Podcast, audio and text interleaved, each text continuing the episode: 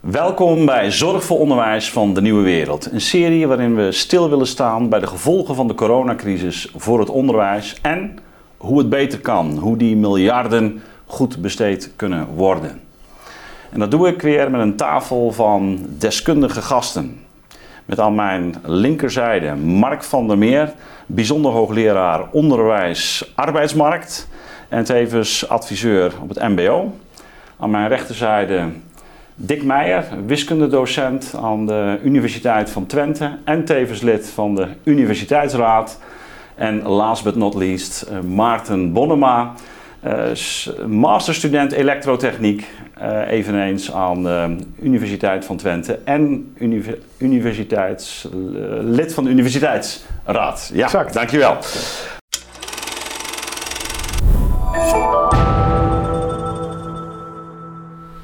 Goed, uh, heren, welkom uh, weer bij deze tafel.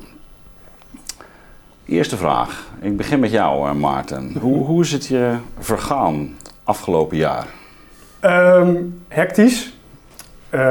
lastig. En ik denk eigenlijk als je naar alle, ook wat breder naar alle studenten, te, niemand heeft het makkelijker meegekregen. En ik denk dat iedereen er toch wel een beetje somber naar het, jaar afsluit misschien.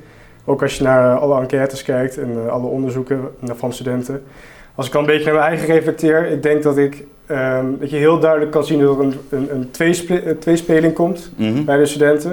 Je hebt de studenten die um, echt heel hard geraakt worden. Isolement, eenzaamheid, uh, motivatieproblemen. En je hebt wat studenten die er eigenlijk juist wat is het, het heel goed kunnen omzetten in een soort um, ja, dus het, het, kunnen helpen bij het studeren. Het meer flexibel studeren, de opgenomen hoorcolleges. En uh, het is het, indelen van de eigen tijd. En dus als lid van de universiteitsraad zijn is het ook heel fijn als je onderwijs een beetje flexibel kan indelen. Hoorcolleges zo terugkijken. Dus ik zou hier eigenlijk ook niet even kunnen zitten zonder dat, ik, uh, dat, mijn college wordt opgenomen.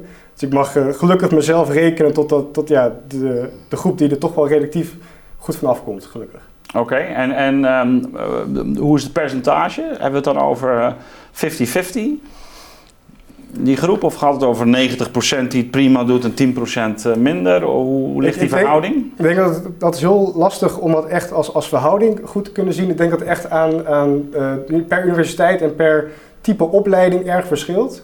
Er zijn universiteiten, en gelukkig denk ik ook de Universiteit Twente, die echt gezorgd heeft om zo open mogelijk te blijven. Mhm. Maar ook door bij, bij technisch onderwijs vaak het praktijkonderwijs, wat gelukkig door mag kon gaan uh, fysiek, dat het daar een stuk soepeler en beter is gaan. Maar ik ken ook uh, heel veel verhalen van mensen met juist een wat meer uh, een alpha-type studie, die echt de universiteit nog, niet gezien hebben, de campus nooit gezien hebben, de gebouwen nooit gezien hebben. En de docenten, laten we niet vergeten, ook de docenten nooit echt oog in oog hebben kunnen kijken om ja, ook die verdiepende vraag te kunnen stellen. Dus ik denk dat dat heel lastig om dat geen te kunnen zeggen, maar dat je echt per type opleiding, per universiteit dat goed moet, uh, ja, dus met, met jou persoonlijk is het relatief goed gegaan, uh, maar je hebt wel uh, andere verhalen gehoord. En uh, als je nou terugkijkt en, en zegt van nou, dit gaat nog twee jaar zo, zo door, is dat voor jou een goed idee? Ik denk dat voor niemand een goed idee is. Maar ja, weet je, als het moet, dan moet het. En als het echt niet anders kan, dan kan het niet anders. Ja, maar je mist het dus wel, heel Zeker, zeker. Ja. Ik mis het heel erg. Ik mis het, het, het fysieke contact met... Dus in de, in de hoorcollegezaal, in de werkcollegezaal, dat je juist tijdens een college dat die drempel lager is, dat je gewoon een verdiepende vraag kan stellen, dat je in contact met docenten staat. En dat je het misschien het mooiste ook wel bij een, een, een, wat, wat projectmatige vak of bij het afstuderen, dat je eventjes snel langs een kantoortje van een professor kan gaan, even die persoonlijke vraag kan stellen. Dat, dat persoonlijke contact, in plaats van dat, dat abstracte beeldscherm, dat mis ik heel erg en denk ik heel veel studenten bij mij ook. Ja, oké. Okay. Uh, ja, Dick, hoe, uh, hoe verging het jou uh, afgelopen jaar? nou, net zoals andere docenten heb ik gewoon gedaan wat moest. En dus alles maar online uh, lesgegeven, ook online tentamens gegeven enzovoort. Maar ja, ik werk nu zo'n bijna 40 jaar in het onderwijs. En dit was wel het minst leuke jaar. Ja. En uh, ja, je mist gewoon de interactie met de studenten uh, voor datgene wat je allemaal online moet doen. En dat is nou eigenlijk 100% afgezien van de tentamens. Ja. En je merkt ook dat het minder effectief is. Dat uh, studenten bepaalde uh, onderdelen die vooral met inzicht te maken hebben, zich minder goed eigen maken. Okay. Omdat dat het grote voordeel is van de interactie die ze hebben met elkaar en met de docent. door over dingen te discussiëren, ga je toch dingen beter in perspectief zien. Dus ik zie ook een niveauverlaging daardoor. Dus zeg maar de eenvoudige berekeningen, die kunnen ze allemaal nog netjes uitvoeren. Eh, maar aan eh, zeg maar het resultaat goed interpreteren, een valide redenering te geven enzovoort, dat gaat allemaal moeizamer. Uh, daar zijn natuurlijk ook uh, de betere studenten en, en de nerds. Ja. Daar zullen weinig verschillen zijn met, uh, met de on-campus situatie. Maar gelukkig zijn heel veel technische studenten ook sociaal vaardig tegenwoordig. En die willen ook die interactie echt, echt hebben. En die, die missen ze niet. Ja, nou, nou kan ik me herinneren ook uit stukken die jij destijds wel eens hebt geschreven toen de discussie ook over die verengelsing van de universiteit gaande was. Dat, dat je zei ook, ja, je, juist op, ook weer deze elementen. Je zei ja, die, dat, dat talige onderdeel is toch ook wel heel belangrijk. Uh, met name waar het gaat om wat moeilijkere uh, uh, kwesties in de uitleg en ook in het, of ze het werkelijk begrijpen. Um, maar nu, we hebben nu dus eigenlijk twee bewegingen. Dat ook digitalisering en een verengelsing eigenlijk uh, beide, uh, de, dus toch, toch wel, die, zeker in die eerste jaren, die, uh, de, de, laten we zeggen, dat moeilijkere onderdeel onder druk zetten. Ja, nou als je een voorbeeld geeft in, in een les en je vraagt een oplossing van een student, mm -hmm. zo aan de zaal, dan geef je zo wat mensen de beurt uh, om een, redenering, uh, een oplossing te beredeneren. Dan kun je daarop ingaan. En dat soort discussies geven ja. de student echt houvast van waarom je bepaalde theorieën aan het ontwikkelen bent en hoe je die moet toepassen. En uh, dat soort interactie is online veel moeizamer. Dat gaat dan via de chat of uh, uh, dat soort zaken meer. En die natuurlijke interactie heb je gewoon niet. Bovendien mis je gewoon de lichaamstaal. Ik had ja. nooit gedacht dat het zo belangrijk was.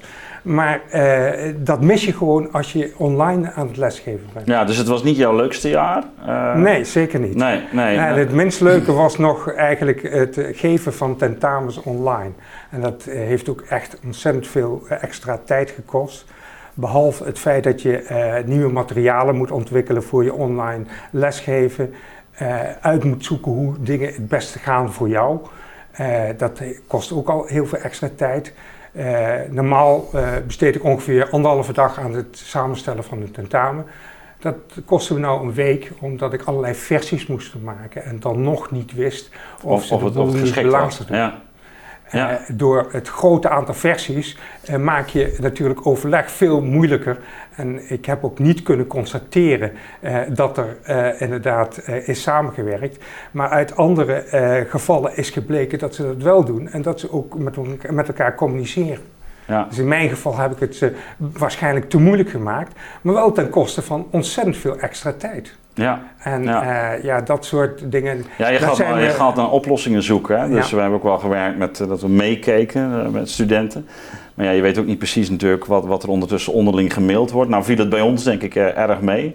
En ik heb voor, vooral met mijn collega's, maar ook zelf ook echt, echt zware tentamens gemaakt. Die, en ik, waarbij ik dan zelf zei, nou het is open boek. Want ja, hoe, hoe, alleen dan vragen die moet je eigenlijk al begrijpen, wil je ze kunnen antwoorden. Dus je, weet je, je hebt gewoon te weinig tijd. Dat was dan zeg maar een van mijn manieren. Dat is een Om, ander, ander nadeel. Ja.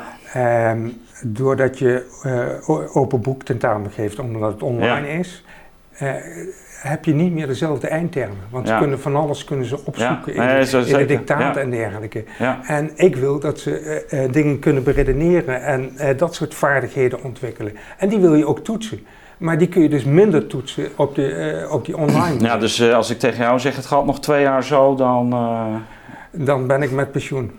Dan ga ik misschien nog uh, ja, ja. met vervroegd met pensioen. Ja, ja, ja, ja. Nee, dus het is, het is voor jou niet voor herhaling vatbaar. Dus nee, ik uh, kijk er naar uit dat we weer terug naar de campus mogen. Uh, en natuurlijk, digitaal hulpmiddelen, die zijn van alle tijden. Ook in de 70 jaren heb ik dat ja. als student meegemaakt.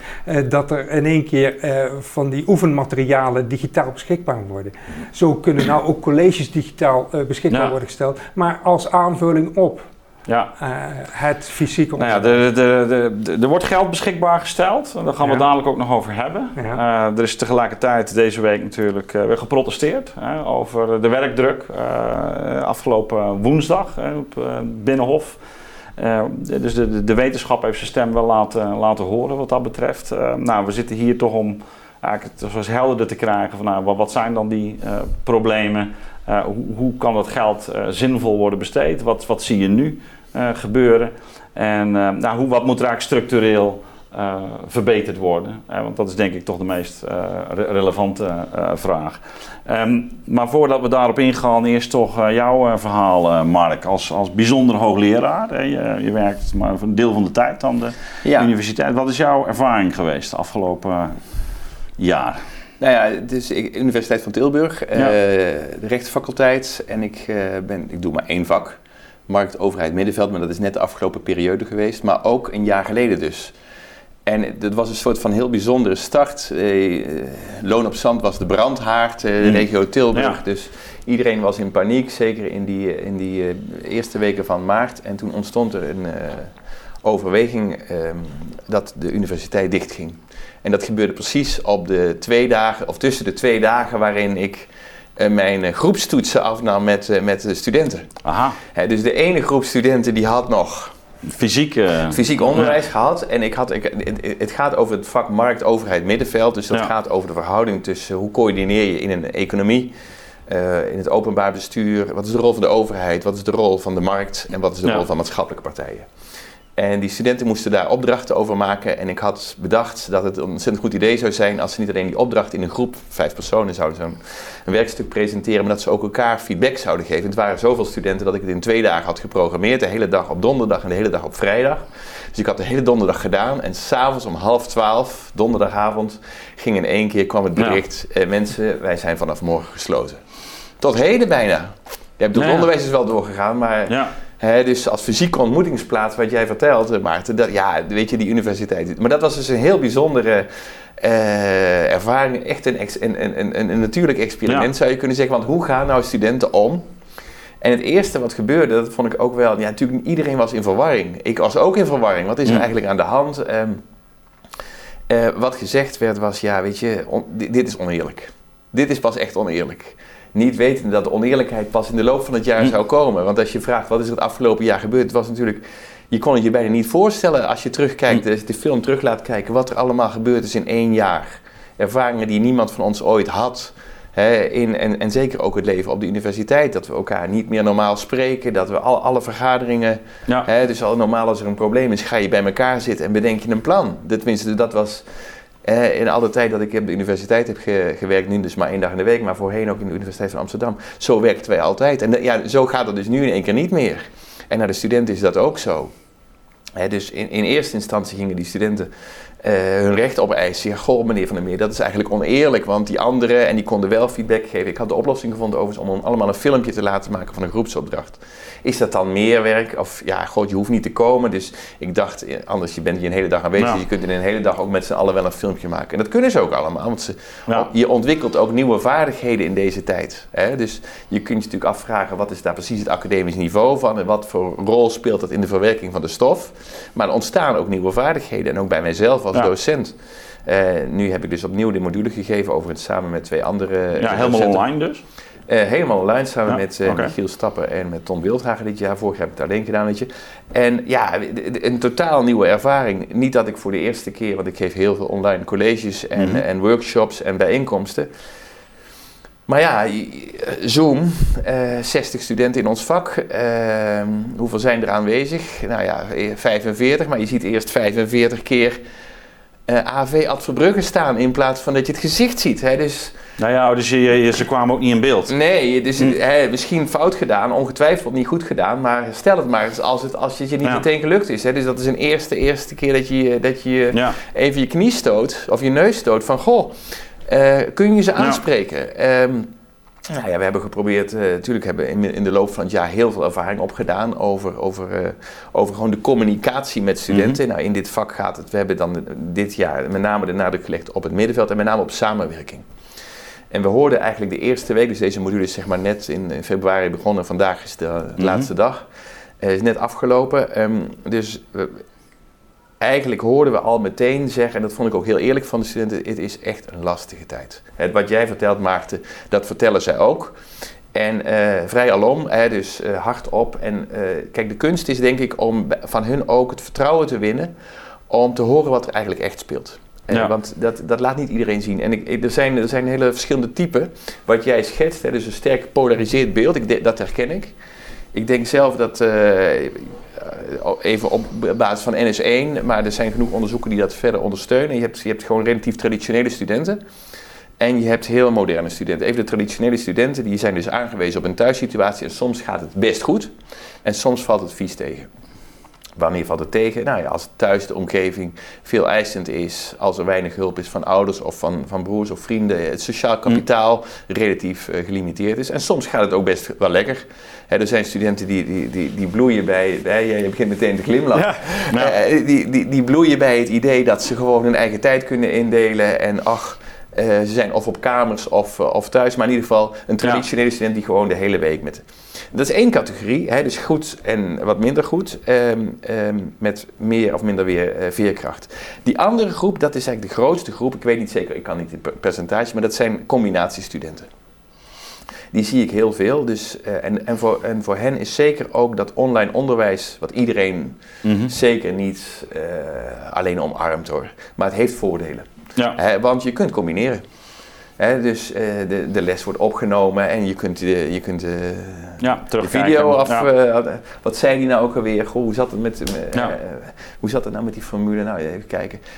Ik weet ook dat studenten dat wat sneller afdraaien dan je gewone spreektijd. Ja. dus dan gaat het op, op 1,3 of 1,4 speed. Wat ook ontzettend leuk is natuurlijk als je het ontdekt.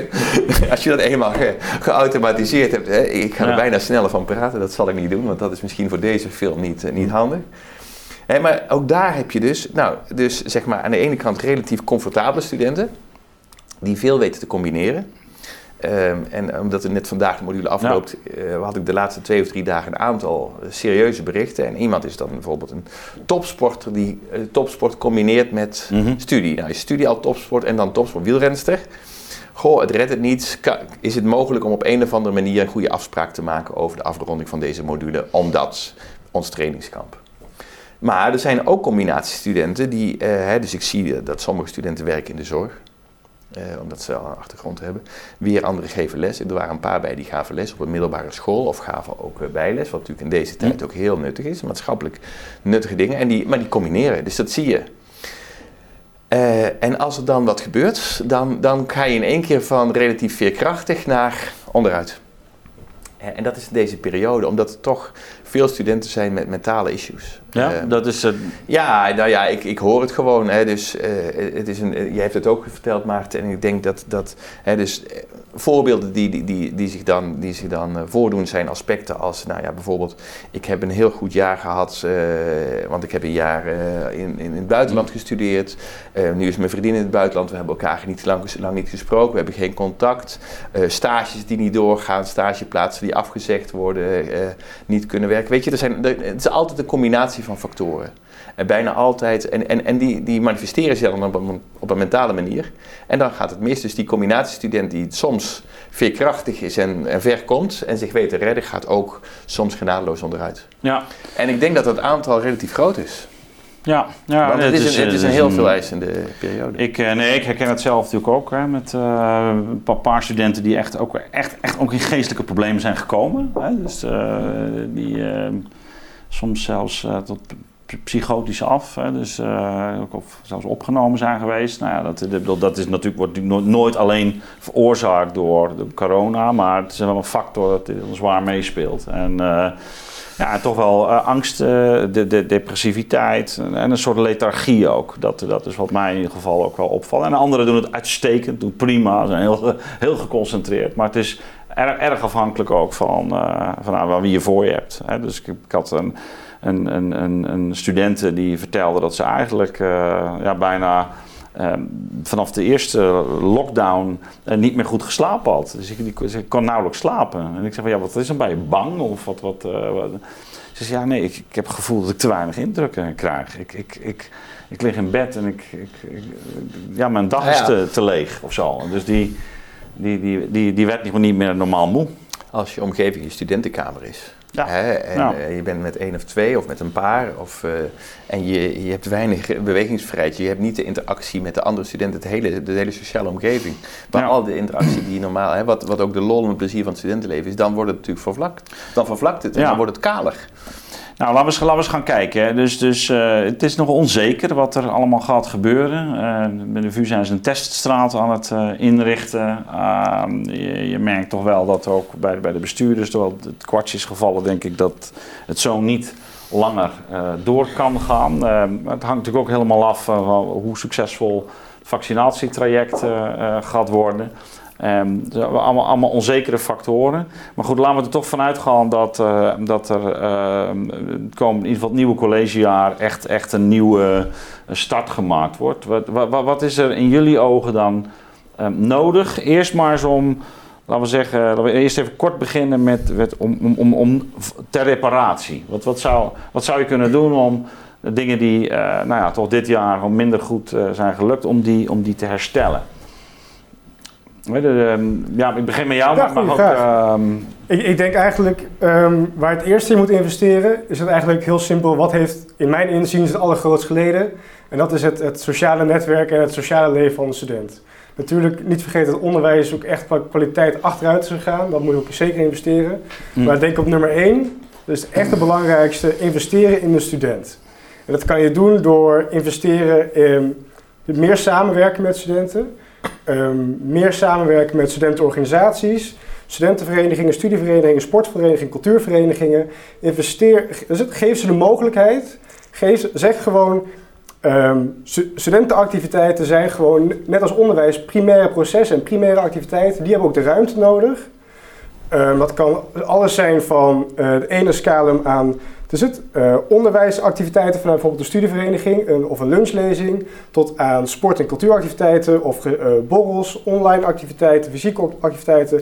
Het gaat erom, ehm, investeer in, in de bestuurders. Dus eh, daar heb ik het over de studentenbestuurders, om het even goed te zeggen. Daar heb ik het over beurzen voor ehm, de studentenbestuurders. Daar moet je echt niet op gaan, gaan kaalslaan. Die moeten juist meer investeringen, meer ondersteuning en meer faciliteiten krijgen. En dan zul je zien dat als, als dat weer een beetje integraal weer een beetje opkomt, dat je dan langzaam weer die studenten... ook Nou, weer nou, nou, nou preek jij natuurlijk een beetje voor eigen parochie. Hè? Je bent zelf ook bestuurlijk eh, actief. Is je goed recht hier ook. Hè? Ik, ik ben Maar- ja, maar- maar- geweest. Ja, Hè, ge- geweest, ja, nee, nee, maar ik, ik, ik, het is geen verwijt. Hè. Ehm, hè, maar ehm, je, je, benadrukt, je benadrukt nu eigenlijk ook, ehm, tuurlijk, we zullen dadelijk ook bij die onderwijskwaliteit stilstaan, maar je zegt nu eigenlijk van de reparatie is nodig om studenten weer opnieuw eigenlijk met elkaar sociaal eh, Ja. eh, weer, weer in contact Nou ja, te komen. de En universiteiten hebben een studenten goede, nodig. Een goede tijd eigenlijk te hebben. Ze zijn het een Nou, beetje... eh, Het is breder dan dat. Nee, als, nee, als je nee, kijkt naar wat... wat, ik, wat- ik begrijp ook dat het. Nee, het maar als gaat- je kijkt naar wat, wat, wat studentenverenigingen en studieverenigingen allemaal organiseren, faciliteren, alles van de ondersteuning bij open dagen tot aan de introductieperiodes, tot Mhm. alle eh, kwaliteiten die, die eigenlijk niet aan bod kunnen komen in het onderwijsprogramma. Alles van sollicitatietrainingen tot eh, presentatietrainingen. Ehm, de meest wat meer praktische kennis die vaak eh, niet aan bod kan komen bij een academische opleiding. Denk bijvoorbeeld in mijn opleiding het, het simpele werk van solderen. We zijn, we zijn wetenschappelijke het, mensen, dus dat komt niet altijd prioriteit nummer één in het onderwijs. Maar dan zie je dat de studieverenigingen daar een hele goede taak in hebben. En die dat ook oppakken. Dat samen met bedrijven ook die cursussen geven. Dus het, hoe schrijf je een cv? Hoe, hoe solliciteer je naar een goede baan? Hoe, carrièreoriëntatie is hartstikke belangrijk. Dus het, Nee, nee, eh, oriëntatie. helder. helder. Ja. Nee, dus dus eh, het, het was ook niet, niet eh, mijn bedoeling om hier te badinerend hoofd te doen. Hè? Eh, maar, maar het is goed dat je het nog even toelicht. Je zegt van het gaat niet alleen om die sociëteit waar je bier aan het drinken bent. Nee, Zeker niet. het gaat hier ook om eigenlijk allerlei hele essentiële onderdelen in de vorming van een, van een student die de universiteit van nature laat liggen. Of die misschien ook de afgelopen decennia onder druk zijn komen te staan, om wat voor reden dan ook. Die jullie voor een deel eh, opvangen, die, die eh, eh, eigenlijk allerlei groepen, middenveld, eigenlijk op een bepaalde manier eigenlijk belangeloos verrichten met elkaar. Maar zorg wel als overheid dat je dat ook faciliteert, dat je daar de ruimte voor biedt. Erken het belang daarvan, omdat dat weefsel door die hele digitalisering en, en de, de, schermwereld eigenlijk onder druk is komen te staan. Begrijp ik je zo goed? Ja. Dus dat betekent ook dat daar opnieuw ook geïnvesteerd moet worden, omdat, ja, laten we zeggen, die oude verbanden die je natuurlijk met elkaar hebt, die moeten even opnieuw geactiveerd worden. Nieuwe mensen erin uh, enzovoort. Als je een universiteit hebt met studenten die alleen maar studeren, een diploma halen en dan, dan weggaan, dat kwijt. dan valt de hele universiteit uit elkaar. Ja, ja dus, dus zorg dat dat weefsel eigenlijk wordt hersteld. En investeer daarin. Zorg dat je daar uh, ook, ook je beleid op voert. Dat daar bijvoorbeeld studietijd, compensatie uh, voor bestaat. en nou ja, en, en ga het gesprek daarover aan. Dat is eigenlijk ook wat je zegt. Dus de studenten zelf moeten eigenlijk de ruimte krijgen om, om, om dit in te brengen. En niet alleen maar uh, een, beleid over zich afgeroepen zien te krijgen. Maar, en dat, en dat, eh, zeg je dan ook dat is ook iets wat eigenlijk per, per universiteit moet gebeuren? Of zeg je dat is een landelijk beleid, maar dat moet ook per universiteit weer worden ingevuld? Ik denk dat je daar landelijk in moet opzetten, maar het is natuurlijk heel lastig omdat... Precies, nee, daarom. Je universiteiten zijn zo verschillend. Als ik even mijn eigen universiteit pak, Universiteit Twente, we hebben een prachtige campus met zoveel eigen faciliteiten. Dat is natuurlijk heel anders in, op, op een universiteit waar al die middelen veel decentraler uitgespreid liggen. Dus is, is, is er reden uh, om, om bang te zijn dat dat niet gaat gebeuren? Ik denk dat je altijd goede hoop moet hebben, maar het is natuurlijk lastig. Maar jij maakt je wel zorgen daarover? Zeker. Ik denk als je er geen zorgen over maakt, dan... Nee, maar het komt niet vanzelf. Dus ook niet dat bestuurders dat... De, de, Nou ja, er zijn al de huidige middelen die, die er al zijn. Uh, alles van medezeggenschap met, met mhm. overlegorganen met studenten. Ik denk dat die juist nu eventjes, misschien dat ze een beetje achterover hebben gezeten afgelopen jaar, omdat ze uh, de studie toch iets belangrijker vonden, omdat het leven toch wel een beetje plat lag. Die moeten echt uh, zo snel mogelijk aan de gang gaan. Of in ieder geval, ja. dus het, uh, vol next gear, zeg maar. Ja. En dan gewoon er echt volop ingaan en echt bereiken dat, dat het voor die studenten echt een stuk beter wordt. Okay. Als eerste prioriteit en daarna gelijk natuurlijk inzetten als tweede prioriteit kwaliteit van onderwijs. Want dat, dat kwaliteit, het onderwijs is er nog steeds. De, docenten doen hun uiterste best om dat omhoog te houden, heel creatieve manieren. Maar ik denk dat dat de, de, de, de, de next de prioriteit is waar je mee moet zetten. De volgende, oké. Okay, Nou, dan is misschien uh, Dick, daar kun jij hem oppakken. Wat, uh, ja, mag je... ook even reageren hierop natuurlijk, maar... Uh... Ja, ik denk dat we wat dat betreft op één lijn zitten. Dat academische vorming in de meest brede zin, zoals we die nastreven binnen universiteiten, dat die toch wat aan reparatie toe, toe, is na, deze, na dit jaar corona. dat zie je vakinhoudelijk, maar je ziet het ook sociaal. En studeren is ook een sociale activiteit. Ja. Uh, en uh, waarin je ook mede gevormd wordt voor je latere beroepsuitoefening. En daar moet wel een, een vorm van reparatie gepleegd worden. En ik denk dat je dat heel goed aan de studenten kunt overlaten om dat wat betreft die sociale kant goed te organiseren. Nou, Maarten weet in ieder geval aardig te verwoorden. Dus, ja. En uh, dan uh, uh, moet je ze daar wel bij faciliteren, middels beurzen en dergelijke. Maar ook denk ik aan bijvoorbeeld de mensen die het echt wel moeilijk hebben gehad in het afgelopen jaar en achterop zijn geraakt. Dat die toch meer begeleiding, maar ook ondersteuning bij het studeren en dergelijke nodig hebben. Dus daar zul je ook mensen voor moeten vrijmaken. Ja. ik denk bijvoorbeeld aan extra mogelijkheden om tentamens in te halen die ze gemist hebben. En uh, daar ook voorbereidingshulp uh, bij te bieden. Dat kan uh, met studentassistenten, bijvoorbeeld met studieavonden en dergelijke, zoals ze dat ook wel eens organiseren als studieverenigingen. maar ook van de kant van de studiebegeleiding zou er wat extra capaciteit moeten komen om ze weer op on track te te, te krijgen qua studie. En als je kijkt naar uh, de, uh, de studie zelf, dan is het grote probleem geweest uh, voor de medewerkers dat ze heel veel extra hebben moeten doen in dit coronajaar. Bijvoorbeeld iemand die onderwijs en onderzoek doet, die zal zich geconcentreerd hebben op zijn onderwijstaak. Want uh, er moest veel nieuw ontwikkeld worden. Uh, er moesten uh, online toetsen gemaakt worden die veel meer tijd kosten. er werden corona-herkansingen gecreëerd omdat studenten niet mee konden doen enzovoorts. Hè. Dat komt allemaal extra bovenop je normale taak. En ja, ik denk dat wat dat betreft de, de werkdruk nog een groter probleem is geworden dan dat het al was. Dus we zullen daar echt moeten, eh, op moeten inzetten om uh, de middelen die we nou van de regering krijgen, om die echt heel goed te gebruiken. En uh, ook zichtbaar voor onze medewerkers en voelbaar dat ze weer wat adem, wat, wat lucht krijgen om te functioneren in een wetenschappelijke functies. Ja, daar, gaan we daar nog wat uitvoeriger op in. Hè. Ook als we kijken natuurlijk nou ja, wat, wat, wat, universiteiten nu doen, ook maar wat, waar de overheid mee, mee komt en of dat af, afdoende is. Maar misschien toch, toch eerst even, uh, Mark. Ehm, nou ja, je, je, je hoort, hè, dus, dus er komen zowel het sociale leven voorbij van, van de studenten, maar ook die bredere vormingsagenda, uh, als, als ook die, die, die onderwijskwaliteit. Hoe, hoe kijk jij daar als een, als een nou ja, nu, nu halve buitenstaander uh, naar? Hoe, hoe, hoe gaan ja. besturen daarmee om? Hoe kijken die in jouw ogen naar deze situatie? Nou ja, weet je, we, moeten uit de kramp komen. dus we, we, er, is, er is veel te weinig lucht op alle, op alle terreinen. En uh, ik denk dat dat een heel belangrijke observatie is. Je, je, je brengt de komende dagen misschien nog iets verder op terug. Uh, dit is natuurlijk voor iedereen een enorme stresssituatie waar we in zitten. En dat hebben we bijna niet in de gaten, maar je gaat maar door hè, als leerkracht of als docent of als hoogleraar in mijn geval. Maar weet je, uh, het, het, is gewoon full continu uh, nauwelijks de natuurlijke breekpunten die er altijd waren, ehm, die, uh, die zijn er niet. En ook de natuurlijke momenten om eventjes daar weer op te laden of even met elkaar te praten. En dus ook iets in perspectief te zien of een grapje te maken of te relativeren. Ik bedoel dat wij met elkaar om de tafel zitten, hoe prettig mm. is dat? En eigenlijk wil je dat iedere student gewoon iedere dag met elkaar, dus in een klein groepje van twee of drie, vier mensen elkaar ontmoet en om een tafel zit. Ja. En ik hoop dat het over de wiskunde gaat, of over de, het openbaar bestuur, hè, of over de elektrotechniek. En als het er even niet over gaat, is het ook goed. Dat weten we allemaal. En alsjeblieft, er moet geen overheid zijn die dat gaat regelen, hè, wat mij betreft.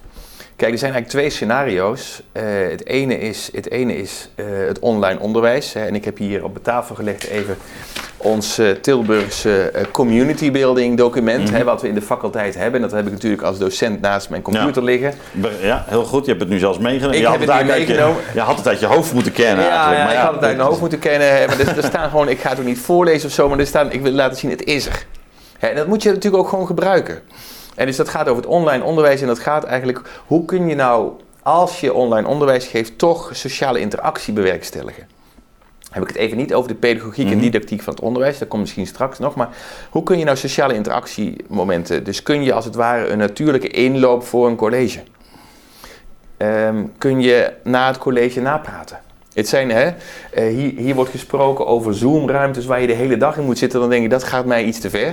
Hm. Want ik heb liever een fysiek, dat komt zo meteen. Maar uh, in ieder geval kun je natuurlijk, uh, het, is, het, het, het, is niet een verhaal afdraaien op het internet in, tegen een scherm aan. Want op die manier dan, dan, dan gaat het onderwijs totaal onderuit. Je moet een nieuwe vorm van interactie vinden en daar moeten ook rust- en pauzemomenten. Dus we hebben het voorgelegd. Doen we vandaag het ijshockeymodel met, met twee pauzes of gaan we voetballen? Met een pauze in de, eh, met een rust. Ja. Nou ja, weet je, eh, het, klinkt heel kinderlijk of eenvoudig, maar aan de andere kant. Ja, maar dan, dan, dan, dit gaat dan natuurlijk over, um, het, en dat merk ik ook, die discussie is ook op mijn eigen universiteit natuurlijk gaande, van hoe gaan we eigenlijk de digitalisering op, op een uh, verstandige manier vormgeven. Ja. Uh, dat is, um, uh, de, de, de, de, andere kant zou natuurlijk ook wel kunnen zijn: van, ja, hoeveel digitalisering wil je überhaupt? Nou, dat is het andere punt. Hè. Dus ik wil terug naar de fysieke tafel waar we nu aan zitten. Hè. En, en kunnen wij nu niet organiseren in zo'n grote universiteit met 10.000 studenten, dat die studenten elkaar gewoon dagelijks spreken? Dat moet kunnen. Niet iedereen woont misschien in, in Enschede of in Tilburg, maar ook dan moet het kunnen. En uh, ik, ik moest denken aan jouw verhaal over de, de, de TU Twente. Ik werk, ik werk in het MBO-onderwijs. En dat is natuurlijk heel erg gericht op de beroepspraktijk. En dat, dat kan nu ook niet altijd. Maar bijvoorbeeld Alfred Evers heeft bij het ROC van Twente heeft een bouwtent gemaakt. En dat is dus, zeg maar in de, in de luwte van een tent, gebouwd aan, het- aan het gebouw van het ROC. eh, leren die studenten eh, hun vaardigheden op het terrein van, de, van het, eh, het timmervak en de, en de restauratiebouw. Overigens op een niveau waar de universiteit trots op zou zijn. Ik weet namelijk dat er interactie is tussen de universiteit en het ROC in Twente.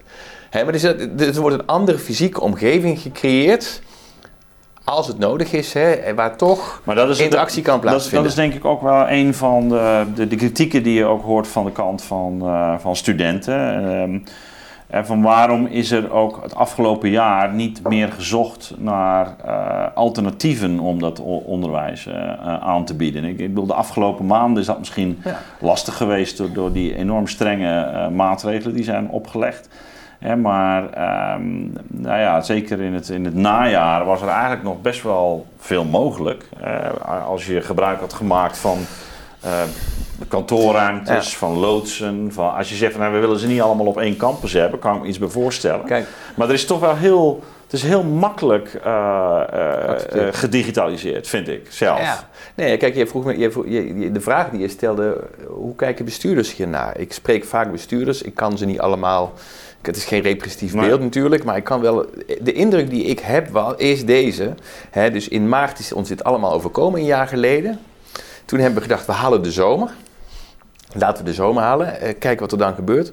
En dan zien we na de, en dan kunnen we wel geleidelijk weer open. En toen na de zomer ontstond er zoiets raars rondom een soort van groeiend aantal besmettingen. Hè? Dus, eh, en toen kregen veel studenten toch de schuld van, daar gaat het mis. Ja, Eh, het is die- met beschuldigende vinger toch. Ja. eh, Nee. heel, heel vaak naar studenten ja, uitgaan, nee, dat, dat- en dat was bijzonder, dat is bijzonder ernstig voor, de- voor het mentale gemoed van, Absoluut, van, ja. van hoe kun je vernieuwen.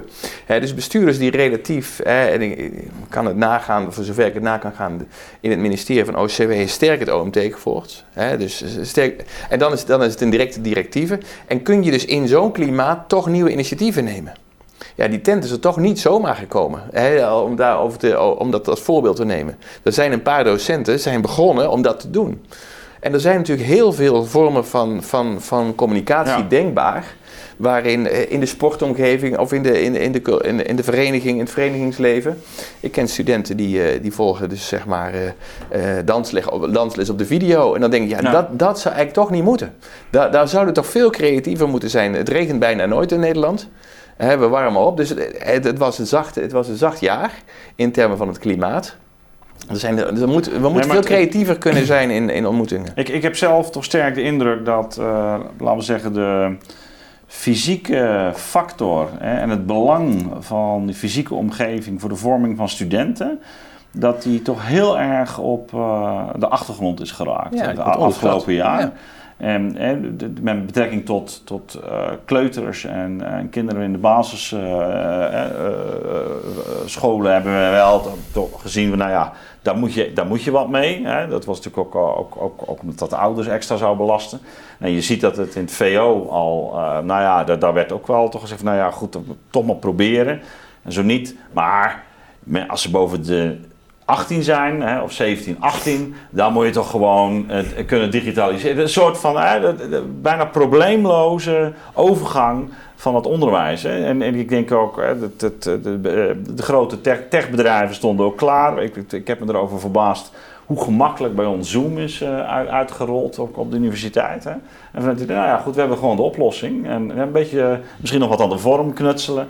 Ehm, en, en, en, wij krijgen inmiddels de boodschap, waar we nu zoveel studenten, eh, dat we nooit meer helemaal teruggaan naar een, eh, eh, een fysieke eh, campus. Dat, is, dat online is ook wel, of hybride, dat is echt wel de, wel de toekomst. En eigenlijk de hele discussie over, ja, wat is het belang van fysiek onderwijs, fysiek bij elkaar komen, die, die is nauwelijks gevoerd. En nou ja, de studenten werden eerder, in mijn ogen, toch gezien als de, een van de corona-verspreiders, de, de, de superspreaders. Dus hoe, hoe, hoe, heb jij dat ervaren, Maarten? Dus dat die...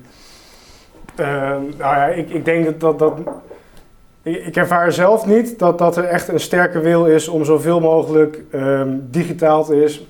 Om, om zoveel mogelijk te kunnen groeien. Ik denk dat, dat de wil om te groeien er wel is, maar ik denk dat het ook een beetje aan, aan de financiering ligt.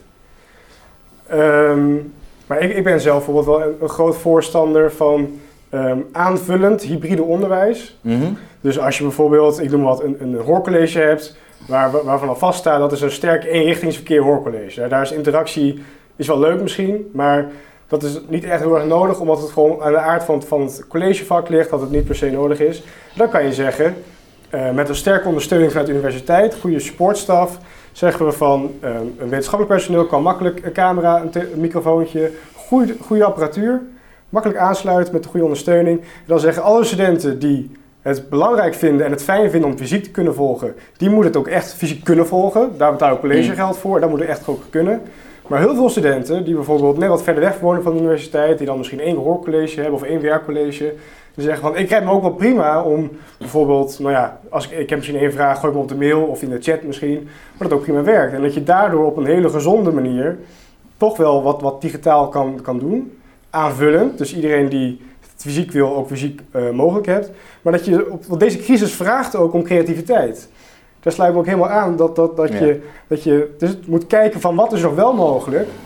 Uh, onderwijsinstellingen hebben best veel vrijheid gekregen om uh, fysiek onderwijs nog te blijven doen. Ja, maar bij jullie hebben ze dat kennelijk dan toch wel geprobeerd. Heel uitdrukkelijk. En ook, gedaan. en ook echt gedaan. Ja. Maar je ziet op heel veel plaatsen in Nederland, hè, wat jij ook vertelde, nou ik heb het uh, in Amsterdam ook gezien, dat dat eigenlijk toch tot een minimum, zeker bij, bij niet-technische vakken, tot, tot een minimum beperkt is. Ja, en, en daarom, daarom is het ook zo lastig om generiek te kunnen zeggen hoe het met de studenten gaat. Omdat het echt per universiteit nee, zeker, Ja, zeker.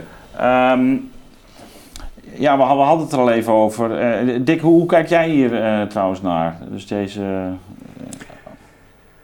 nou, kijk, ik als docent heb liever een groep van 60 studenten tegenover me dan eentje van 300.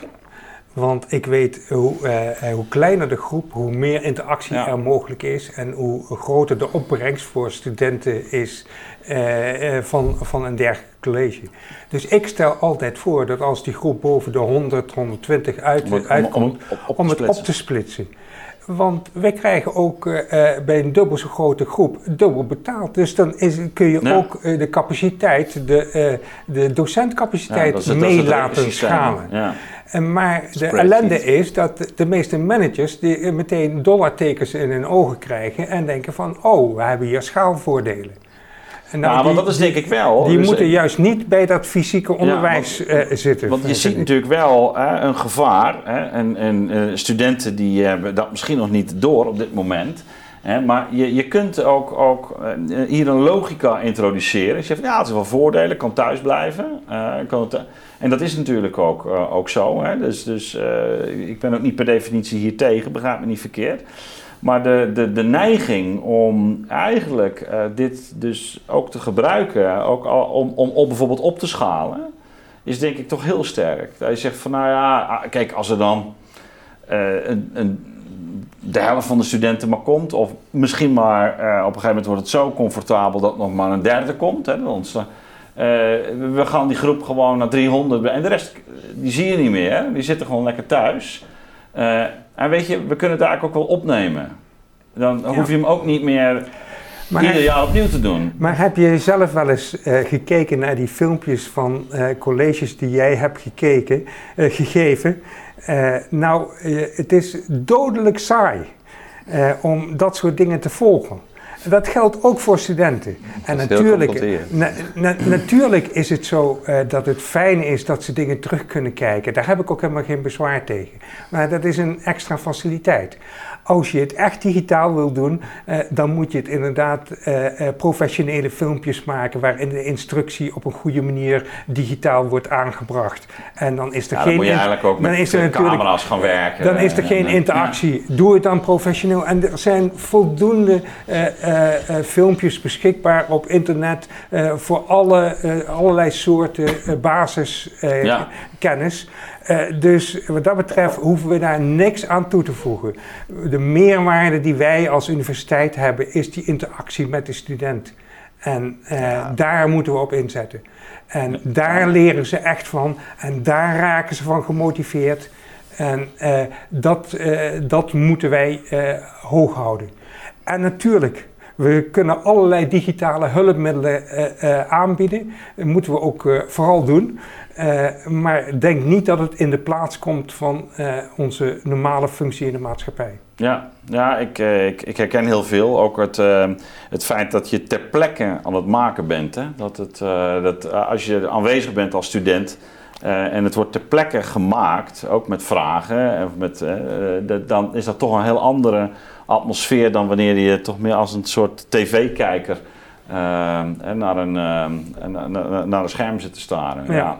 ja. Mark, jij wel nog wat hierop nou, ja, weet je, het is de spanning tussen minutieuze voorbereiding die nodig is in dit, in dit online blended onderwijs en de creativiteit en, uh, en het improvisatievermogen van een hoorcollege. Ja. dus uh, de, de, in een hoorcollege je bouwt een redenering op met de studenten. Die probeer je ook te toetsen en aan de blikken zie je al of, of wat je probeert te betogen, of dat ook goed ontvangen wordt. En als het zeer vragend is, dan stel je een, een vraag om, om, om toelichting uit te lokken. En als je denkt, hé, hey, dat, dat, eh, dat, dat, die raak ik kwijt, dan, dan probeer je daarop in te spelen. Dus die interactie en dat spontane moment, dat is natuurlijk uh, dat is goud waard. Ja, nee, absoluut. En uh, je kunt ook naar de hand, als je, of in de pauze, loop je nog even, praat je nog even na. Of er is altijd wel iemand die naar je toe komt en zegt van, goh, weet je, dit, dat, ik snap het eigenlijk niet. Of hier heb ik nog toelichting nodig. En dat, en dat is in Maar goed, dus wat, wat Dick zegt, hè, dus die meerwaarde, dus van ja, dit is eigenlijk de, de bestaansrede van de universiteit. Hè. Je zegt van ja, er is eigenlijk heel veel online te vinden. Zoals je vroeger ook eigenlijk al heel veel in boeken kon, uh, kon, kon vinden. Hè? Dat is de, Kijk, het meeste zelfs. Ik, ik zou zeggen, uh, als je dan toch zelfstandig wil studeren, pak een goed boek. Pak een goed boek, hè? En ga erin kruipen. Ja. En ga niet uh, je televisiemodus aanstellen uh, om uh, filmpjes te bekijken. Want dat maakt niet dat je dingen gaat verwerken ja. en je eigen maakt. Ja, Oké, okay, maar dan, als ik nog mag even aanvullen. Ja, want is natuurlijk, als je zegt van, wat zijn de, wat zijn de voordelen, tenminste, wat, welke voordelen heb ik zelf opgedaan in deze vorm van mm -hmm. onderwijs? Hè? Dus wat heb ik gezien als wat, ik zeg niet dat het de oplossing is, zeker niet. Ik wil ook niet dat het zo alleen blijft, maar mm -hmm. wat, wat kun je wel? dus we hebben bijvoorbeeld gastdocenten uitgenodigd, die komen niet voor een heel college, maar die komen bijvoorbeeld voor een half uur. dus ja, je kunt het optimaliseren. En dus hele creatieve combinaties kun je maken. Ja. Het is, is, een werkvorm. Nou, een werkvorm, wat ik net zei, van goh, even een korte vraag stellen en antwoord geven en op die manier uitlokken. We hebben ook gewerkt met, uh, met breakout rooms. Ja, die dus, breakout rooms hoort natuurlijk ook wat en, uh, veel uh, en, nou, toepassen. Nou, bijvoorbeeld, ik, had, ik heb op een gegeven moment een, een, een, opgave gegeven. Zouden we een akkoord kunnen bereiken over, over tussen de industrie en, de, en het onderwijs over, over dranken in de kantine die dan niet zuiverhoudend zijn. En in een licht van het preventieakkoord. Dat, dat ging over akkoorden ja. en over hoe samengewerkt wordt. En nou, toen heb ik dus uh, in, in, in een breakout room vier, vier, vier groepen onderscheiden. De scholen, de politiek, het bedrijfsleven en de werkgevers. En nou ja, het is ons gelukt in mijn werkcollege tot een akkoord te komen. En dat had ik op deze manier nooit gedaan. Dus ja. een ontdekking van, hé, hey, je kunt dus op een nee, andere manier interacteren. Ook, ook en, dat, en dat is dan weer een, een, ja. een, een, een, schaalvoordeel. En nog los van het feit dat uh, studenten die sterk genoeg zijn kunnen terugkijken omdat ze moeten wielrennen of dat ze ander werk. Ja. ja. Maarten, ik zag jou toch eventjes je wenkbrauw optrekken bij een aantal opmerkingen van, van Dick. Jij bent natuurlijk al van de nieuwe tijd, de nieuwe generatie, ja, opgegroeid met de smartphone. Dus, je, dus uh, uh, je, je, hebt ook iets andere uh, gewoontes ontwikkeld, ongetwijfeld. Dus, dus hoe, hoe, hoe, klinkt dit voor jou? Nou, ik, ik kan me best ver vinden hoor in Dick's verhaal, dat is, dat is het niet. Alleen, ik denk, je moet gewoon kijken van, het, de kwaliteit van het onderwijs, dat, dat moet je echt als, als bakermat nemen. Daar moet je echt goed naar kijken van, dit, dit nemen we als, als uitgangspunt.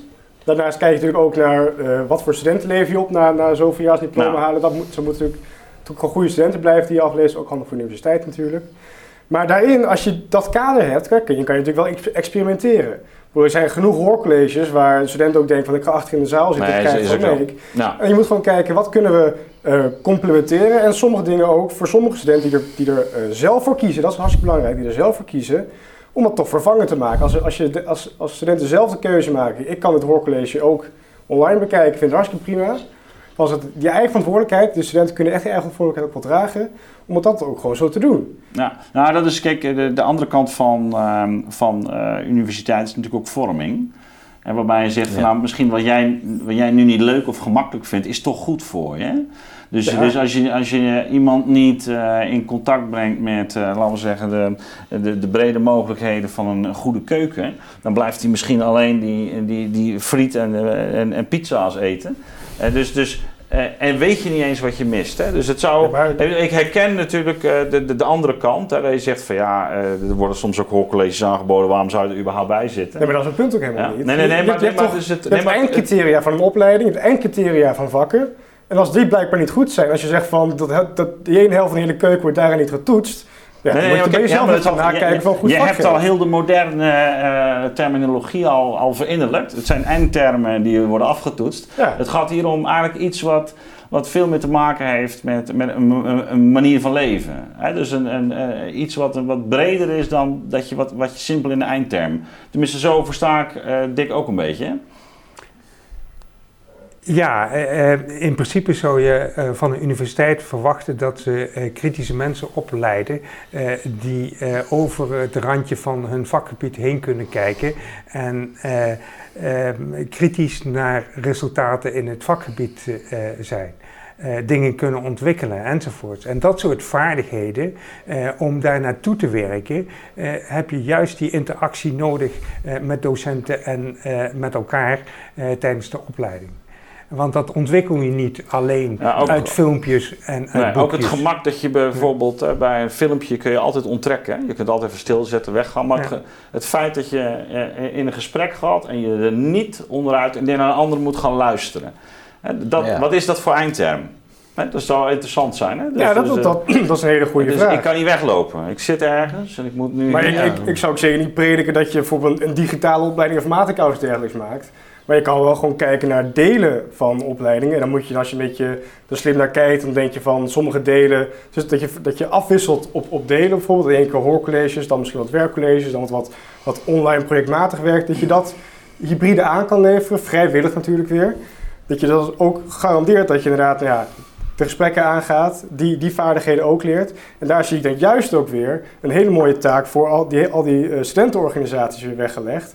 Die juist eh, kunnen oppakken, ook willen oppakken, om daar zich mogelijk te kunnen profileren en ook juist die Ja, vorming te kunnen doen ik, bij ik, studenten. ik, ik zou, ik zou er toch niet voor pleiten om nu te zeggen, nou, eh, die gaan het fysieke doen en de, nee, dat, dat, nee, dat zeg ik nee, ook. nee, ja. even, even, Ja. Shh, eh, dit is al een vaardigheid, hè, trouwens. Hè. Dus, eh, ehm, Doe je dat altijd zo? Gewoon even. even, even. Ehm, de, de, de- de- als we even de, de, de- kijken naar de miljarden die ter beschikking zijn gesteld. Hè? Dus, dus eh, wa- wat, wat, wat moet daar nu mee gebeuren? En wat, wat is het risico op dit moment?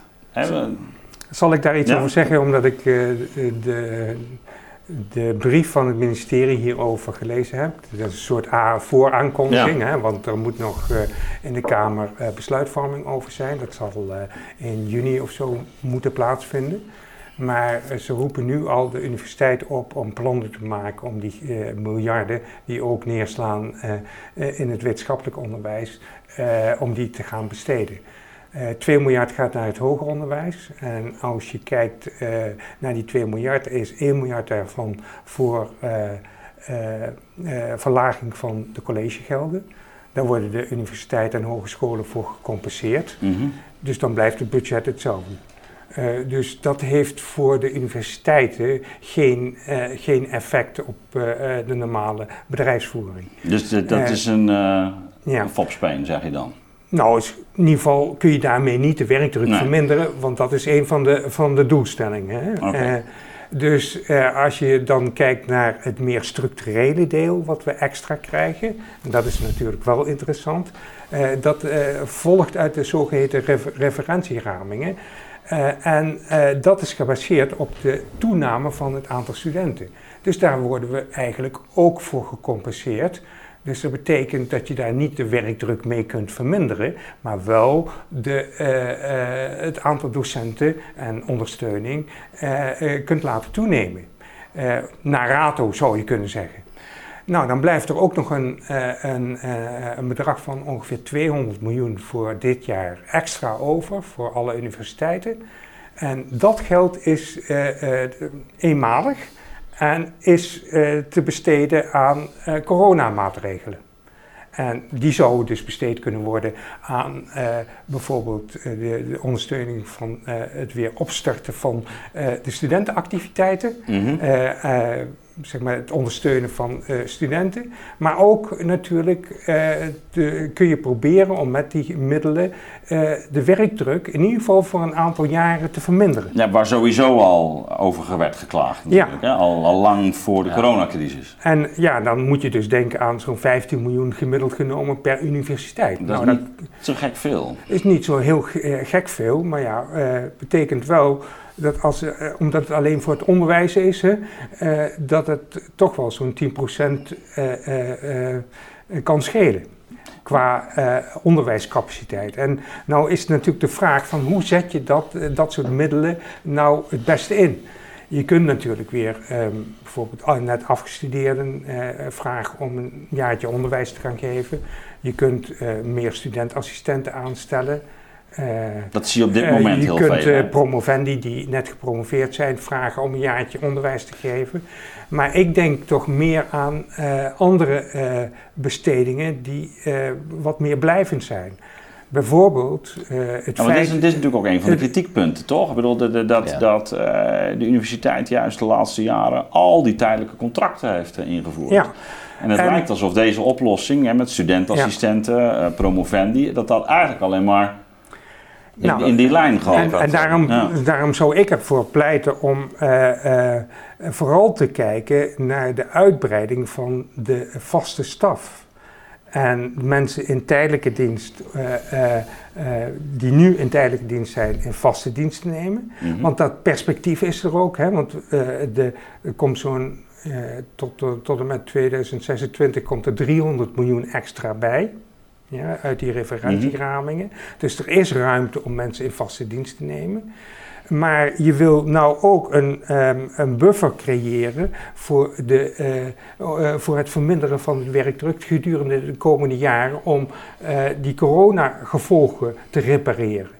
En dat kun je op een paar slimme manieren doen. Bijvoorbeeld via de zogeheten dakpanconstructies. Je stelt nu ja. al mensen aan voor, ter vervanging van uh, het personeel wat de komende drie, vier jaar met pensioen gaat.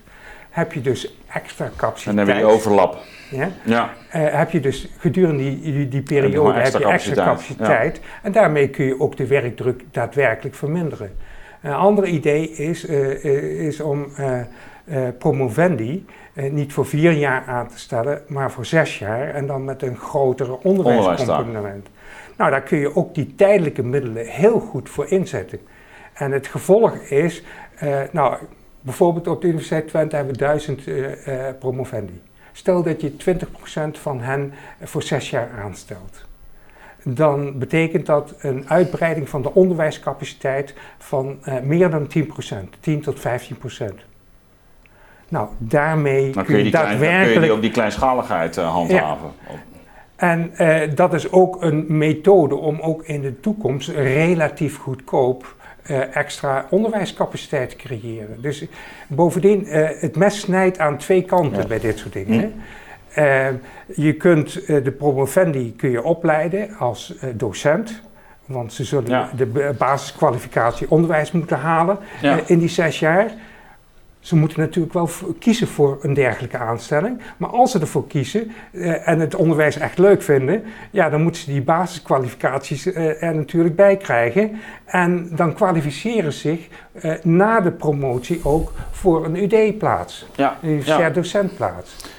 dus dit, dit zijn methodes om die onderwijscapaciteit die uh, uh, echt een probleem aan het worden is met de, de hogere studentenaantallen en deze coronasituatie. En de gevolgen ja. uh, zijn ook voor het onderzoek, nou ja, dus het, onderzoek slecht. Zijn, dit zijn manieren om dat te repareren. Dus er zit natuurlijk een risico aan dat, dat wanneer we het dan hebben over die, die online revolutie, dat, dat hoor ik toch ook wel, hè, van nou, dit, dit verdwijnt niet meer. Um, dat, dat we juist in deze fase ook, ook de universiteiten laten groeien door die, bijvoorbeeld uh, die instroom vanuit het buitenland uh, te vergroten. Hè? Dus, dus dat je, zeker wanneer je bijvoorbeeld heel die programma's online kunt doen, dat zien we in ieder geval ook, ook zeg bij, bij, bij Alpha Gamma, voor een deel bij, bij filosofie ook. dus dat, dat er ja, nu ook een, een, een, een, een, je zou kunnen zeggen, een gedragsverandering is ontstaan. Waarin ook bestuurders kunnen zeggen, maar wacht even, wij, wij gaan ons aandeel vergroten door juist die instroom vanuit het buitenland te, te... Dus dan zit je een beetje in een uh, beweging, uh, eigenlijk een vicieuze cirkel. Want dan komen er extra gelden, die extra gelden weer uh, extra instellen. Dus dat, ja, ja er zijn mensen die, die denken dat het een goede ontwikkeling is dat we een soort open universiteit nou ja, dat, voor de wereld aan het worden nou zijn. Ja, dat, Ik denk dat dat een verkeerde keuze is. wat mij betreft kun je dat op een commerciële basis gaan doen maar niet in ons publieke stelsel.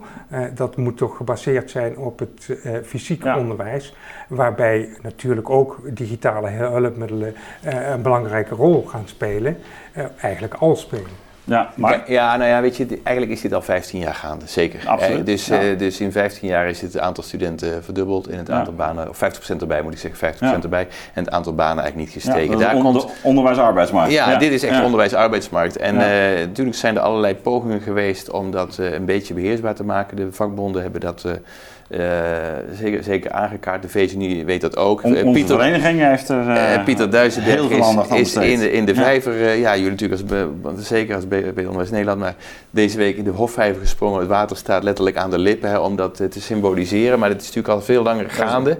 En corona maakt dat, uh, maakt dat nog eens een keer extra urgent, hè, want uh, de, de, druk is enorm groot. Overigens, wat jij net zegt over die internationale markt, is een hele discussie nog terzijde.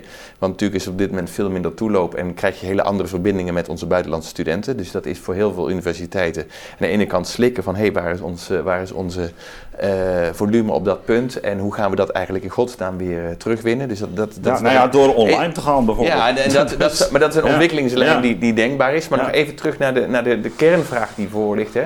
Volgens mij staat in de CAO uh, dat 22% van de, van de staf, uh, moet ik even goed zeggen, dat die dus maximaal, uh, dus dan, ik noem maar even de docenten, hoofddocenten, mm. hoogleraar, maximaal 22% flexibel. Dus op sommige universiteiten is dat veel meer. Ja. Uh, dus dat is in ieder geval een heel belangrijk eikpunt. En, uh, en uh, de tweede ontwikkeling is tenure contracten. Dus, dus dat, dat mensen een, een, aanstelling krijgen voor bijvoorbeeld een periode, wat jij zegt, 4 plus 2, 6 jaar. En dat kan eigenlijk op alle niveaus, van promovendus of docent of eventueel doorgroei in de, in de loopbaan. Om die leaky pipeline, hè, uh, die, zo die, die zo kansarm is, om die, veel, om die veel meer energie te geven. Ja, ik, daar moet natuurlijk veel in gebeuren. Uh, de onzekerheid is erg, uh, is erg groot en de werkdruk is enorm. Dus ik bedoel, dat is, dat is wat steeds wordt aangekondigd en wat uit alle, uit alle enquêtes ook is gebleken. Ja, nou ja dat, ik bedoel, het is, de ministerie heeft het nu zelf ook toch wel op, op een rij gezet. Hè. De commissie van Rijn heeft het natuurlijk ook al over geschreven. Maar ja, ehm, Van Rijn, Van Rijn heeft erg de nadruk gelegd op de technische universiteit. Die heeft vooral de technische universiteit. Terwijl, terwijl, dus terwijl Marijke van der Wende, hoger onderwijs, in haar evaluatie van het hoger onderwijs juist zegt: breng alfa, beta en gamma veel meer op bij elkaar dus dat is een inhoudelijk advies over, over, de, over, de, over de sterke verkokering. En tegen de verkokering in van de universiteit, zoals er op het moment ja. sprake is. Ja, ik denk dat dat, dat is natuurlijk weer een nieuw, uh, een ander vraagstuk. Hè, maar uh, toch, als we kijken naar de, het gemiddelde bedrag hè, dat nu per student uh, wordt uitgegeven aan onderwijs, hè, dan ja. was dat begin. Uh, van het millennium, zo om 2000 was dat uh, om en nabij de 20.000. En, en nu is het per student 13.000. Dus ja. Uh, als over het structurele vraagstuk van werkdruk, maar ook onderwijskwaliteit. Ik bedoel, dat blijft hier natuurlijk keihard liggen. Um, de, de, Maarten, wat, hoe sta jij daarin? Over die, die, die, die nou ja, dus, dus we, hebben, het nu over de, dus, hè, het verhaal over de extra gelden ja. die, die beschikbaar komen. Um, nou, we zien eigenlijk dat het gemiddelde bedrag dat er aan studenten wordt uitgegeven de afgelopen 20 jaar enorm gedaald is. Uh, dus en dat heeft natuurlijk allemaal gevolgen van hoe toets je. Hè? Dus uh, om bijvoorbeeld uh, in mijn eigen universiteit zie je de, de druk om naar meer keuzetoetsen te gaan. dat was op een gegeven moment echt enorm. Hè? Dat is ja, gewoon omdat je, nou ja, als je het over kwaliteit hebt, dat, dat is de, de manier om te extensiveren. Om het maar even simpel te zeggen. Dus grote hoorcolleges, studies waarin je vakken gaat combineren. Nou, allemaal manieren om eigenlijk die, die capaciteit te, te, te, te vergroten. Maar oh, ik, ik, Maar- heb- heb je- Nou, om, door te gaan op de multiple choice toetsen, dat vind ik ook, echt- dat vind ik ook vreselijk iets. Dat, ja, heb je, heb- doen jullie daaraan ook? Ehm, nou ja, we, we hebben, ik, ik volg mastervakken, dus dan heb je bepaalde docenten die ook heel erg in het bedrijfsleven zitten en bepaalde docenten die heel erg gebonden zijn aan de universiteit. En je merkt toch wel dat als je bijvoorbeeld een, een, een hoogleraar hebt of een professor die eh, heel sterk in het bedrijfsleven staat, die bijvoorbeeld min, dan vaak wat minder tijd heeft voor het, het onderwijs en de universiteit, die zijn dan snel geneigd om van die multiple choice toetsen doorheen te hakken. Ja. En dan krijg je dan ook zo'n heel mooi, eh, eh, zo'n computerblaadje met van die bolletjes erin, dat is zo'n Ja. toets zeg maar. En dan denk je eigenlijk van ik probeer een vraag te beantwoorden, hele brede natie, redenering, allemaal berekeningen gedaan. Ja. En uiteindelijk kies je dan A, B, C of D. Of misschien wel zelfs E of F erbij. Dan denk ik van, het zou zo mooi zijn als je gewoon de ruimte hebt en de middelen hebt en de capaciteit hebt, dat je ook gewoon die hele denkwijze, het inzicht, het begrijpen van de stof, juist, dat ook juist zo belangrijk is, om die ook te kunnen toetsen. Ja, vroeger kon je dan nog gewoon je punt eh, halen, bijna nog heel. hè, want misschien had je net een rekenfout gemaakt, hè, dus op het laatste. Dat is de, dus Ja. Dan werd eigenlijk de. eh, kreeg je nog heel veel punten voor zo'n vraag. En nu is het natuurlijk. eh, ja. Nou ja, En, dan, en helemaal bijvoorbeeld als je nog verder gaat over multiple choice toetsen, de, de, de stress die studenten sommigen krijgen als je ook met negatieve scores gaat werken. Dus elke keer die je per ongeluk verkeerd invult of, of verkeerd antwoordt, dan weer een punt eraf. Dan denk je van ja, ik kan zo goed niks invullen, dan heb je een hoger cijfer. Ja, Ja, maar kijk, sorry dat ik aan, eh, probeer aan te vullen. Dit- nee, toch Ik ga je denk- gang. ik- denk- zitten aan tafel. hè, Ja, dus, nee, eh, nee, maar ik denk, ik denk dus, en zeker in deze tijd, hè, je, je, je moet, je moet samenwerking organiseren.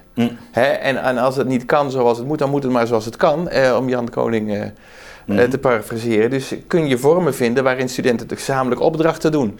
Of eh, gezamenlijk uitgedaagd worden aan, om aan een project te werken.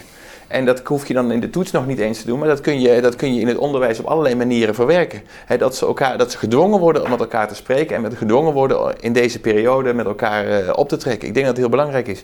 In dat, eh, in dat academisch eh, manifest wat we hadden over die community building in onze faculteit, dat, dat begint ook met BISTA. Hè, Hmm. Dus dat, dat gaat niet alleen over kwalificeren, dat gaat ook over socialisatie en persoonsvorming of subjectivering.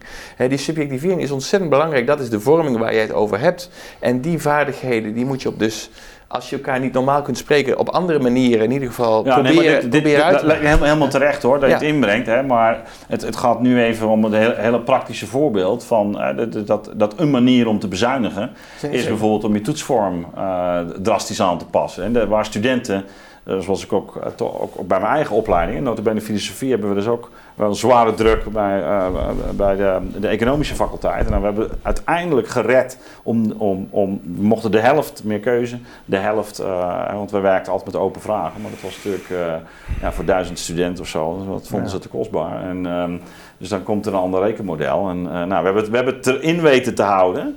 Hè, maar dat, dat, daar moest je echt voor knokken. En, en ik, ik kom nu studenten tegen die, eh, ja, die soms in hun hele opleiding nauwelijks een, een, een stuk hebben hoeven, hoeven schrijven. Die, die vrijwel nooit open eh, vragen hebben moeten beantwoorden. En dat vind ik toch wel, als je het hebt Dat over goed. het Ja. ontwikkelen van schrijfvaardigheid onder meer. Ja. Hè, van kun je jezelf Ja. gewoon helder en duidelijk uitdrukken. Nou, dit is één, één zo'n voorbeeld hè, waarin je ziet dat dat die extensivering, ja, die, die leidt dus tot andere en daarmee anders soort toetsen. Anders, nou ja, goed, dat is een. Ja, ik ik zie jou al kijken. Nou ja, ik- denk dat als je ehm, op zijn minst eh, eh, de onderwijscapaciteit meeschaalt met de studenten, dat je het even intensief eh, kunt blijven, Ja. eh, blijven doen. En eh er zijn inderdaad een, vanuit het management vaak aan, eh, is er aandrang om het efficiënter te doen, onder andere via multiple choice. Zo geldt dat eh, ook eh, Want heb je bij- dat zien verschuiven ook ja, afgelopen? ja, dat zelfs bij wiskunde men nou overweegt om een groot gedeelte van de toetsen via multiple choice eh, af te nemen. Omdat we grote groepen studenten hebben van, Oh, ja, van, van, van duizend studenten of zo die dezelfde toets moeten maken. Eh, dat is natuurlijk belachelijk, want eh, die wiskundige vaardigheden eh, die, die hebben te maken met het geven van een redenering, een afleiding Ja. enzovoorts. En dat moet je toetsen. Dat moet het hoofdonderwerp van de toets zijn. en dan, dan, Ja. loont, dan loont het ook niet om nog een aantal multiple choice vragen te stellen. Dus die, uit de aard van het vakgebied en de vaardigheden die je moet leren, eh, kun je dat dus niet multiple choice toetsen. En uh, dat denkt men toch uh, zoveel mogelijk te gaan doen uit efficiëntieoverwegingen. Gewoon door de grote, grotere aantallen studenten. Ja, dan zeg ik van, had dan maar gezorgd dat we kleinere groepen hebben, hebben gehouden. Ja. Nee, grote massale hoorcolleges waar geen hond meer naartoe komt. Uh, want wat hoe laat je je inspireren over wiskunde in een hoorcollege waar uh, 600 man in de zaal zitten? Ja. ja, dat gaat niet lukken, hè? dus, maar als je met 50 man in de zaal zit en je hebt wat interactie, dan lukt het misschien wel. Ja, ja. herkenbaar, Maarten? Zeker, zeker, ja, met name eerstejaarsvakken. Dus het, hoe, hoe generiek en hoe zeg maar, fundamenteel de vakken zijn, gewoon echt de basisvakken. De calculus bijvoorbeeld, het eerste jaar, dat zijn, dat zijn immense, immense colleges. Nou, gaat het daar wel, is het, um, is het ik denk het, het verlies van de kwaliteit van onderwijs dat op zich wel minder, aangezien dat toch wel sterke eenrichtingsverkeervakken zijn, maar het is wel heel erg zonde. Ik, bedoel, ik heb juist voor universiteit gekozen die juist kleinschaligheid en, en die projectmatigheid, die creativiteit van toetsen, juist het is het, uh, omarmt. Ja, maar, maar, maar, je, maar je, je, jij hoort ook van veel studenten die, die dan bezwaar tegen hebben, die, die, die ja? meer keuze toetsen? Zekers, zeker. Ja. je, kan, je kan gewoon niet je gedachten kwijt. Je kan gewoon niet. Je, het, gaat niet om het antwoord wat je geeft. Het gaat om de methodiek en het inzicht die je hebt en die je opschrijft en waar je, hoe je zelf redeneert over het vraagstuk. Als je dan op het einde één verkeerde aanname mee, uh, maakt en dan een verkeerd antwoord opschrijft, heb je helemaal niks. Ja, en, en, als we van daaruit dan uh, is het toch een beetje afsluitend. Hè? Van, van, uh, we zien deze ontwikkeling.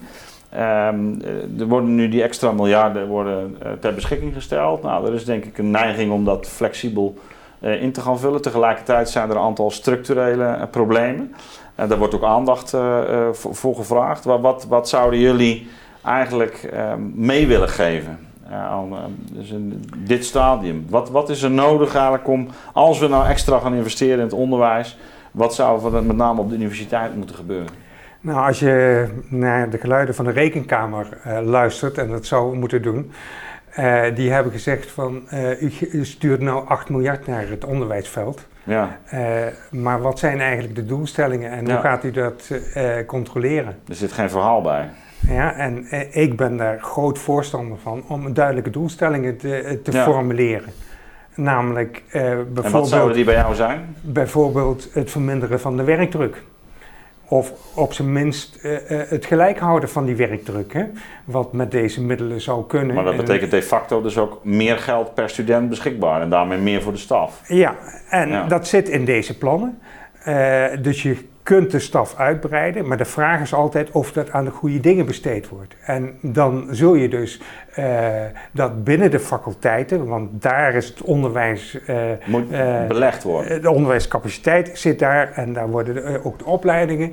En ik vind dat het niet al te veel moeite is, met een druk op de knop is het te, te, te doen waarschijnlijk, om de huidige onderwijscapaciteit in een, in, in een faculteit in kaart te brengen.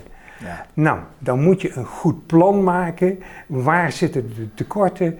Uh, waar zit de verhouding tussen uh, personeel, onderwijs en personeel en uh, studenten het meest scheef? Dus waar gaan we investeren?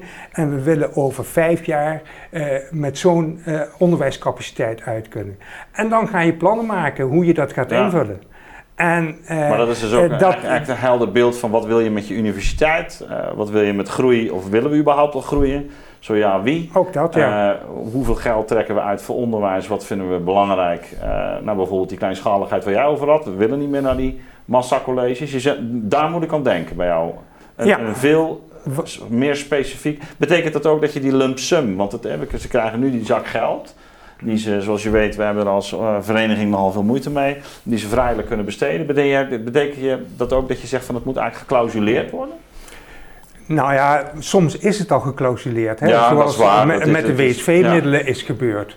Maar dan haal je één uh, stukje van 5% van de onderwijsbegroting eruit en dat benoem je in één keer als kwaliteitsmiddelen. Uh, uh, terwijl natuurlijk de kwaliteit van, van het onderwijs zit hem in de breedte. Ja. Dus je zult het hele verhaal mee moeten nemen. En niet alleen maar die kwaliteits, uh, die extra faciliteiten. Nou, nou, ik zeg het ook, dus, omdat, uh, omdat, die extra faciliteiten ja. die kunnen ook in, in, de nieuwe computersystemen worden gestopt. Maar, maar, je kan ook maar zeggen, het, we- het systeem van lump sum eh, eh, financiering eh, zou ik graag ter discussie willen stellen. Maar Mhm. gegeven het feit dat we er nou mee werken eh, en nu extra middelen krijgen, moet je inderdaad wel een eh, gecontroleerde besteding daarvan krijgen. En maar die- toch een vorm van oormerken. Nee, eh, je moet de medezeggenschap Mhm. moet je de rechten geven om daar een besluitvorming op te, op te hebben. In de faculteitsraad zal het bestuur van de faculteit een plan moeten overleggen hoe de onderwijscapaciteit vergroot wordt gedurende de komende jaren met de extra middelen die ze van het ministerie hebben gekregen. Ja, Op de manier zoals ik net aangaf. ja, Gewoon maar, eh, capaciteitsplanning is dat eigenlijk. ja, maar de- Daar hebben, ze, daar hebben ze een broodje dood aan in heel veel universiteiten, maar daar moeten ze gewoon mee beginnen. Oké, ja. Ja, maar- ik denk dat het niet genoeg is. Eh, Capaciteitsplanning is natuurlijk belangrijk, is, is noodzakelijk. Want dan hebben we gewoon over eh, aantallen docenten bijvoorbeeld. hè, Ja, nee, natuurlijk. Maar het is noodzakelijk, is een noodzakelijke voorwaarde, maar geen voldoende voorwaarde, denk ik. Kijk, je kunt, je kunt het ook zien als een soort van experiment waar we in zitten. De- de- dat bevalt ons helemaal niet goed. Eh, er zijn heel veel aarzelingen. Eh, we willen het eigenlijk anders.